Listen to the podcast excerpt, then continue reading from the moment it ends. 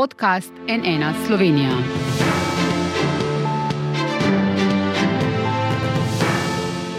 Dobar dan, to je NN studio. Dober mesec dni po uničujočih poplavah je zaživel še vladni klicni center za obnovo.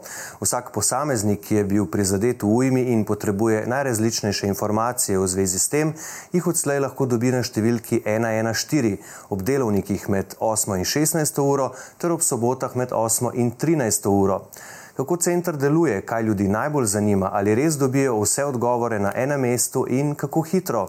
Z nami je vodja klicnega centra Andrej Šter, zunanjega ministrstva. Dobr dan, dobrodošli. Pozdravljeni.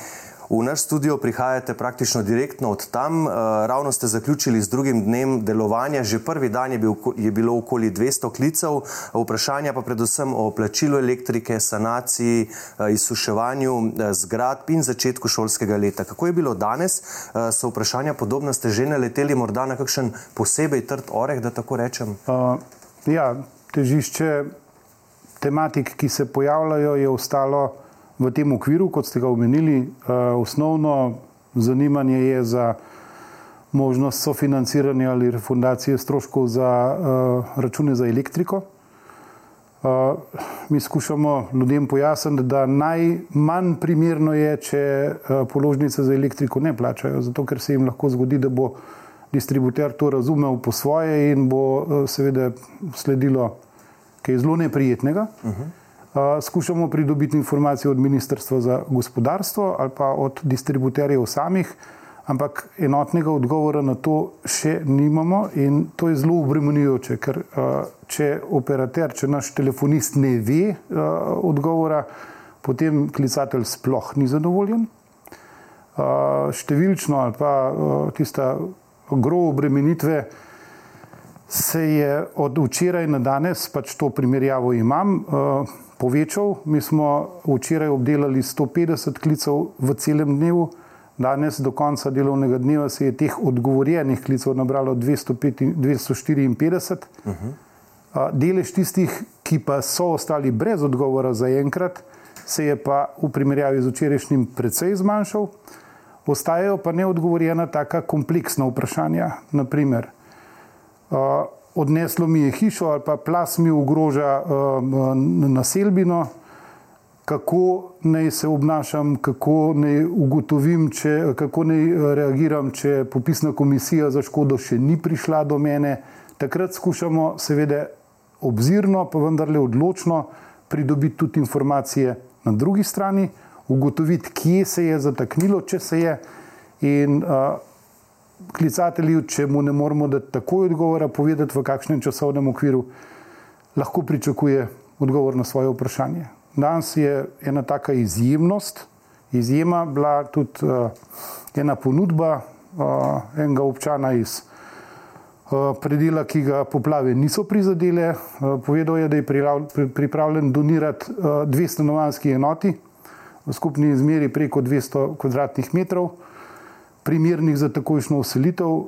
To je, to je bilo prav tako ganljivo slišati. Uh, gospod je povedal, da je tisto namenil prizadetim v poplavah in mi smo seveda to posredovali delovni skupini, ki se ukvarja s stanovansko problematiko, s pomočjo tistim, ki zdaj le vidimo te grozljive slike. Jaz sem pripričan, da bo to naletelo na zelo, zelo dober sprejem. Če ima še kdo, bom tu kar pod vprašanje dal, če ima še kdo recimo eno tako ponudbo, kot je imel ta gospod, a je potem prav, da pokliče kar vas na klicni center ali je bolje, da kontaktira direktno kogarkoli drugega, ki se dejansko s, s tem ukvarja in ja. dejansko lahko tako reče, ja, to in to morate narediti. Torej, naš klicni center je seveda vsekakor na razpolago. Uh -huh. Uh, mi uh, te, pri, torej v okviru države se te ponudbe ali te možnosti zbirajo pri uh, delovni skupini, ki jo vodi državni sekretar Šefic. Če koga zanima, je možno na spletni strani videti tudi spletno mesto, kjer lahko tako ponudbo posreduje ali se z njo seveda seznani. Je pa nekaj takih, ki so vprašali, kako z donacijami, ki so jih pripravljeni dati ali v opremi ali v, v kakšnih aparatih. Tem svetujemo, da naj donacija poteka preko humanitarne organizacije, kajti uh, sicer bo donator, ki želi direktno nekomu to nameniti, na koncu obremenjen z dohodnino. Mm. To ni kakšen dav, davčni izogib, ampak je na svet, ki smo ga oblikovali skupaj s predstavnikom finančne uprave. Ja, da bi imeli od te pomoči lahko vsi. Eh, čim več je torej taki primeri, ne potem kar direktno kontaktirajo humanitarne organizacije. To sta predvsem Karitas in, in Rdeči križ, so pa tudi druge. In eh, humanitarne organizacije so tudi tisto mesto, kjer lahko preverimo, ali se eh, blago, dobrina, naša potencijalna donacija je smiselno to dati, ali so morda skladišča tega že dovolj polna. Če rečemo, morda kakšno še o tem, kdo so zdaj ti svetovalci, tisti, ki se oglasijo, ko nekdo pokliče nekako ekipa zbrana z vladnih služb, z ministrstv, a se že zdaj, morda po teh dveh dneh, glede na to, kakšne klice dobivate, kaj kaže, da bo treba ekipo sestavljati drugače, jo ukrepiti? To drugo da, ukrepiti uh -huh. da, uh, sestavljati drugače je pa pravzaprav ni drugačnega načina kot to, da se nam pridružijo tisti, ki so pripravljeni to delati in ki imajo voljo, ki imajo afiniteto do komunikacije z ljudmi. Če te afinitete ni, potem ne bo zadovoljstva ne na eni, ne na drugi strani. Uh, danes je delalo v uh, klicnem centru 15 ljudi na 13 delovnih mestih. Poleg tega so se nam pa pridružili uh, strokovnjaki iz različnih ministrstev, ki so bili bodi si pri nas v centru, ali pa so bili dosegljivi na svojih delovnih mestih. In to je, glede na uh, strukturo in statistiko, zmagovalna kombinacija. Mhm. V predstavitvi centra ste dejali, nihče več ne more reči, to pa ni moj problem. Ne? Ali to pomeni, da ko ima nekdo neko vprašanje, tudi če je zelo specifično, da potem vi ne rečete, ja, zato pa nismo mi, to morate pa poklicati tja in tja, kar se je v Sloveniji v bistvu do zdaj dokaj pogosto dogajalo, ko smo no. pač kaj potrebovali in klicali. Vi tega ne delate. To je tisto, čemu se želimo v celoti izogniti. Uh mhm. -huh. Seveda, včasih ugotovimo, da klic ni namenjen rešitvi problema, ampak uh, klicatelj želi stresti svojo zagrenjenost, jezo, mogoče tudi kakšno uh, pikro na račun zlasti države. Uh mhm. -huh. Tistega nekaj časa poslušamo, potem pa rečemo, da smo razumeli sporočilo, ampak da ne mogoče nameni prostor, da je čakalna vrsta klicev za njim za nas mnogo bolj pomembna kot pa debata o tem, kdo ima in kdo nima prav.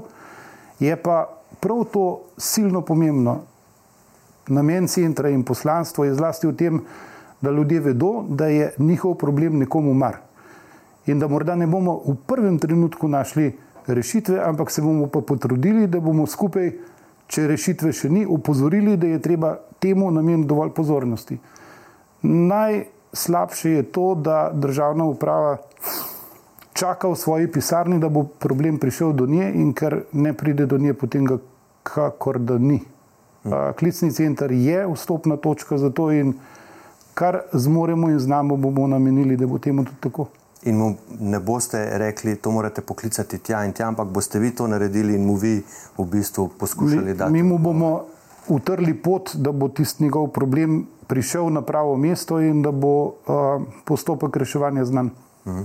Kaj pa, če to ste že prej omenili, ne, tudi če odgovora ni mogoče dati takoj, ker je pač vprašanje kompleksno, potrebujete še kakšne osebne podatke, morate še povprašati furs ali kaj takega. Kdaj ga bodo ljudje dobili in v kakšni obliki? Boste to potem pisno poslali, a, a, je nek splošen rok, ne vem, tri dni ali je odvisno od primera? To je, to je odvisno od primera, ampak rok tri dni je vsaj doslej bil skrajno, skrajno, skrajno najdaljši rok. Uh mhm. -huh mi klicatelju napovemo, v kakšni dinamiki časovni lahko pričakuje odgovor. Omenili ste zelo specifičen primer, ki pa je aktualen. To so področja, kjer je potrebno upoštevati osebne podatke, mogoče kakšen zaščiten podatek, kot je davčna tajnost ali kaj podobnega. K sreči ugotavljamo, da je kakšna, kakšna branža državne uprave, kot naprimer FURS, kot naprimer Ministrstvo za uh, solidarno družbo imajo v svoji strukturi tudi podobno službo, ki se ukvarja s tem, in uh, vedno več je teh interakcij, kjer ugotovimo, da klicni center 114 je lahko izvedel za, za ta primer, ampak potem klicatelju povemo, da v nadaljevanju bo reševanje prevzela ena druga služba, ki pa ni treba, da jo ponovno kontaktira, ampak mi povemo, da problem je, ugotovimo dejansko stanje in Doslej nimamo vtisa, da bi kdorkoli to nekako uh, pustil ob strani in bi to ne šlo v reševanje. Za katera vprašanja torej klicni center ni pravi naslov? Klicni center ni pravi naslov za vprašanja, ki zadevajo oškodovanje v podjetjih, torej v gospodarskih družbah. In klicni center ni tisti, ki ureja razmerje med občinami in državo. Uh -huh. torej, za ta področja so v okviru vladnih služb druge delovne skupine, eno vodi državni sekretar Šefic, eno uh, vodi tudi uh, gospod Pipenbacher. To so mnogo težje stvari po vrednosti, mnogo zahtevnejše stvari po postopku, ampak za občane mogoče nekoliko dlje, za njih pa je pomembno, da imajo možnost, da izpostavijo, da se pogovorijo in na, na drugi strani nekdo, ki se potrudi, da jim pride naproti. Ja, sej, najbrž se bo vseeno dogajalo, da bo kdo klical posem obupan in rekel: Glejte, občina je obljubila, da bo pomagala, je obljubila to in to, pa se še nič ni zgodilo, ali lahko pomagate vi, ali pa recimo to bo tudi zelo akuten problem. Po moje odzorovalnice sem dobil samo nekaj tisočakov, škoda je pa za več sto tisoč evrov. Kaj boste odgovorili takšnemu klicatu? Um, to so povsem realne stiske, ki jih ne bo malo. Ne? Tako je. Tako je. Mi smo v tistih dveh dneh, ko smo imeli na razpolago za pripravo in usposabljanje, nam je spregovoril tudi uh, uh, gospod uh, Srečko Šestan. Izpostavil je prav to, na kar ste zdaj upozorili. Torej, ljudje so bili deležni velikih škod. In popravilo tega, ali pa nadomestilo tega, ali pa izgradnja, bo zahtevala veliko sredstev. Popis škode ne obsega tistega, kar bo potrebno vključiti v izgradnjo novega, ampak vključuje oceno tistega, kar je bilo oškodovano. To je mnogo manj, kot je pa tisto, kar bo potrebno investirati v, v popravilo. In zato ta uh, element razočaranja ali pa presenečenja, sigurno je, zato je postopek popisa škode še toliko bolj pomemben. In uh, tam, kjer ta, to delo še ni končano, je pričakovanje ljudi in uh, zahtevnost še toliko bolj prisotna. Kaj pa vprašanje glede čiščenja strug, zlasti hudournikov? Ne? To bo ključno pred prvim pravim jesenskim deževjem, ko pride, zdaj imamo srečo pač z vremenom za enkrat september, ampak enkrat bo prišlo, boste imeli tudi te odgovore, ko bo nekdo klical, lejte, jaz imam zraven hiše hudournik, ki ga je, ne vem, zadnja ujma predvsej razdejala strugo, ni nič očiščeno, bojim se dežja. Kaj boste A, takšnemu človeku rekli? Ja, tukaj je seveda silno pomembno, da vemo distinkcijo med uh, vodotoki in uh, potmi in uh, cestami, ki so v občinskem upravljanju, in tistimi, ki so v pristojnosti državnih služb. To ni neposredna pristojnost klicnega centra. Ljudje se obračajo na to, povejo, da um, jih skrbi, da brežine niso um, utrjene. Danes smo imeli kar nekaj klicev, ki so bili namenjeni vprašanju, kako, uh, kako um, očistiti in sanirati in tudi uh, razstrupiti uh, tiste površine, ki so bile zasičene z muljem. Uh -huh. uh, in seveda odgovor je tak, temu so namenjene službe, kot je občinska gasilska služba, kot je vladna služba za zaščito in reševanje. Te službe so pod velikim pritiskom, zato ker je teh zahtevkov mnogo. Ampak mi nimamo slabega rezultata v tem, da opozorimo, da je tam recimo v Mengšu ali pa v Lučah ali pa nekje na, na uh, Sorškem polju nekdo, ki pričakuje pomoč. In potem razloževalci prostorov, naprimer, se pokaže, da te aparature so, da rotirajo po hišah in uh, se je že zgodilo, da v tistem toku popoldneva je hiša dobila uh, napravo in ekipo, ki jo je inštalirala. Kaj pa pravna pomoč? Ne? Po napovedih državnega sekretarja za obnovo Boštjana Šefica, s katerim se ja tesno sodelujete, se bo s tem ukvarjala tehnična pisarna. Ampak ta šele prihaja. Ne? Danes je vlada ustanovila to posebno službo, ampak tehnične pisarne pa še ni. Boste torej lahko pomagali tudi takšnim, ki se ne bodo znali soočiti s temi včasih pravno kar zapletenimi postopki glede pomoči ali česar koli drugega?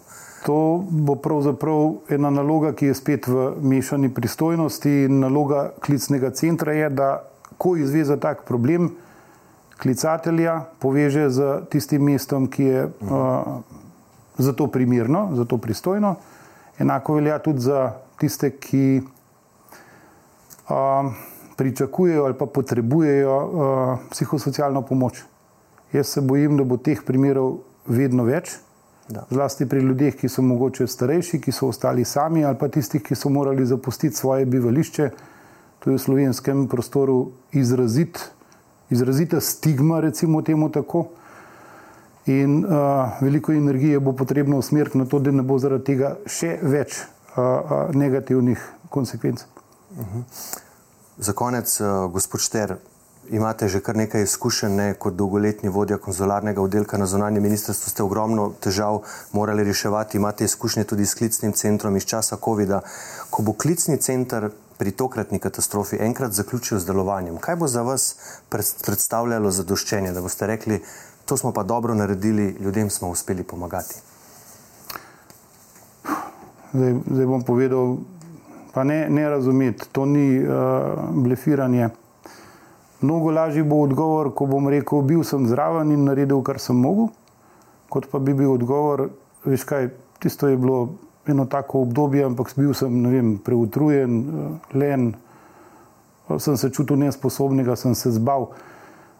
Jaz s krampom in samokolnico zelo malo lahko pomagam. Lahko pa pomagam s tistim, kar znam in zmorem. In tukaj moram reči, da mislim, da so izkušnje iz tistega COVID-nega časa kar aktualne vidim tudi mnogo sodelavcev iz takratnega časa, ki so se spet našli in super sodelujemo. In seveda vam tudi mi želimo uspešno delo in da rešite čim več stisk, da odgovorite na čim prej vprašanje. Najlepša hvala, hvala za vaš obisk. Hvala vam. Hvala pa tudi vam za vašo pozornost. Seveda vse informacije v zvezi z vladnim klinickim centrom najdete tudi na naši spletni strani nnainfo.si. Iz studija pa le še lepo zdrav in nasvidenje.